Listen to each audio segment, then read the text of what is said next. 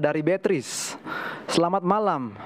Pak Pendeta saya mau tanya, ketika Yesus datang, dia akan membawa orang-orang yang benar ke tempatnya di surga.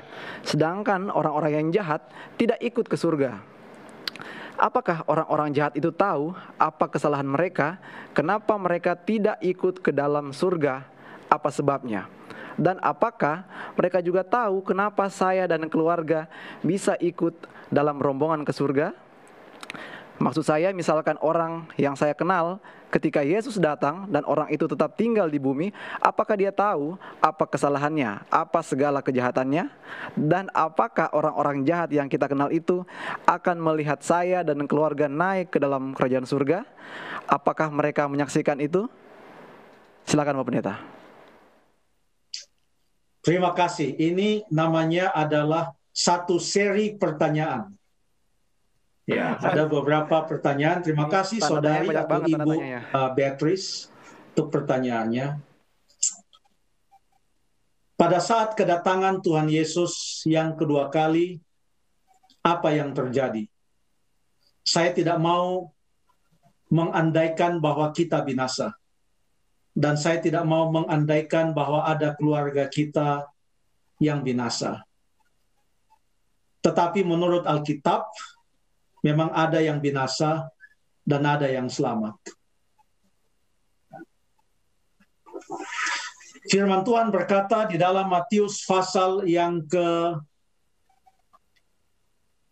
24 ayat yang ke-14. Injil kerajaan ini akan disampaikan ke seluruh dunia menjadi kesaksian bagi segala bangsa, kemudian barulah tiba kesudahannya.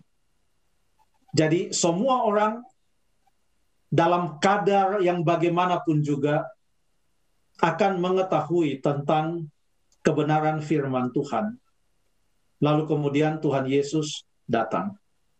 Itu kata Alkitab. Itu kata Alkitab.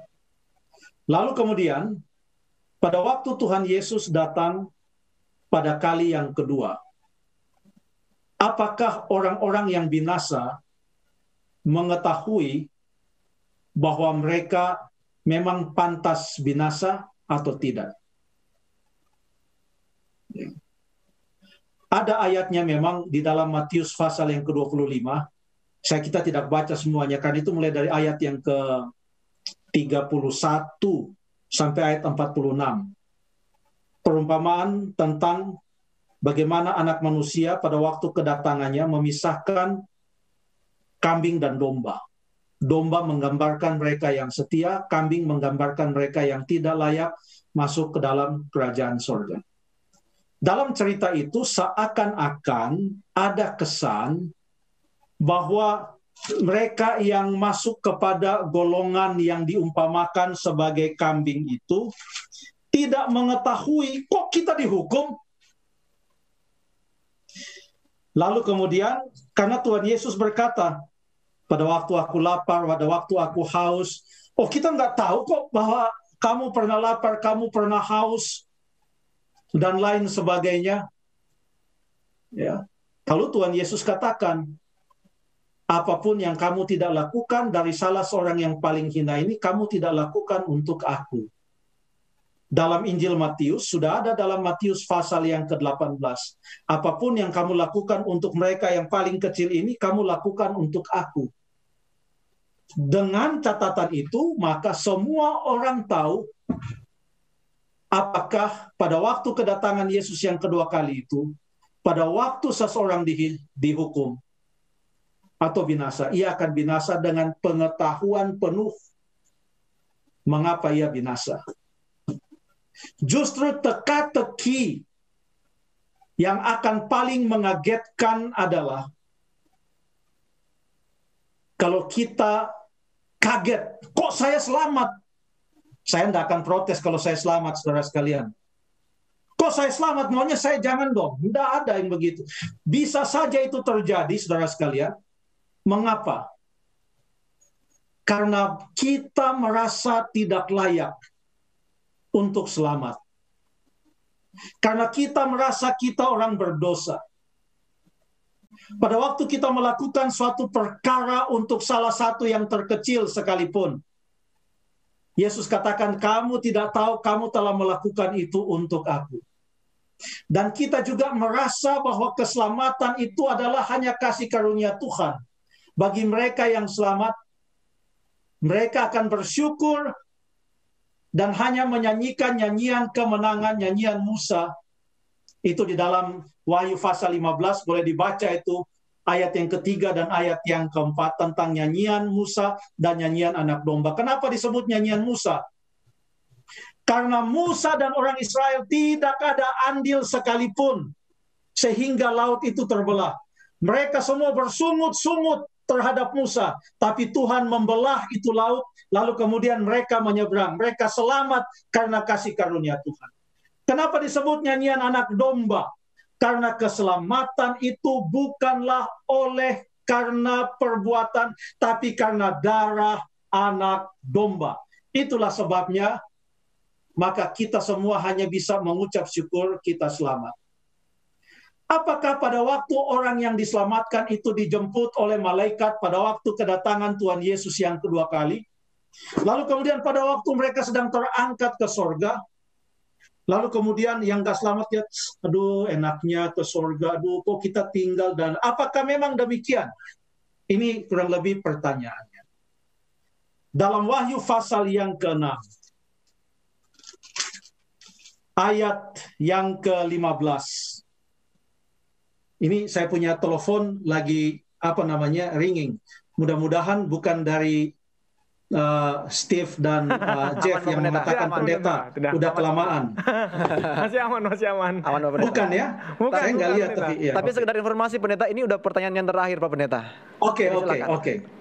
Jadi dalam Wahyu pasal yang ke-6 ayat yang ke-15 sampai ayat yang ke-17 dan raja-raja di bumi, pembesar-pembesar serta perwira-perwira, orang-orang kaya, orang-orang berkuasa.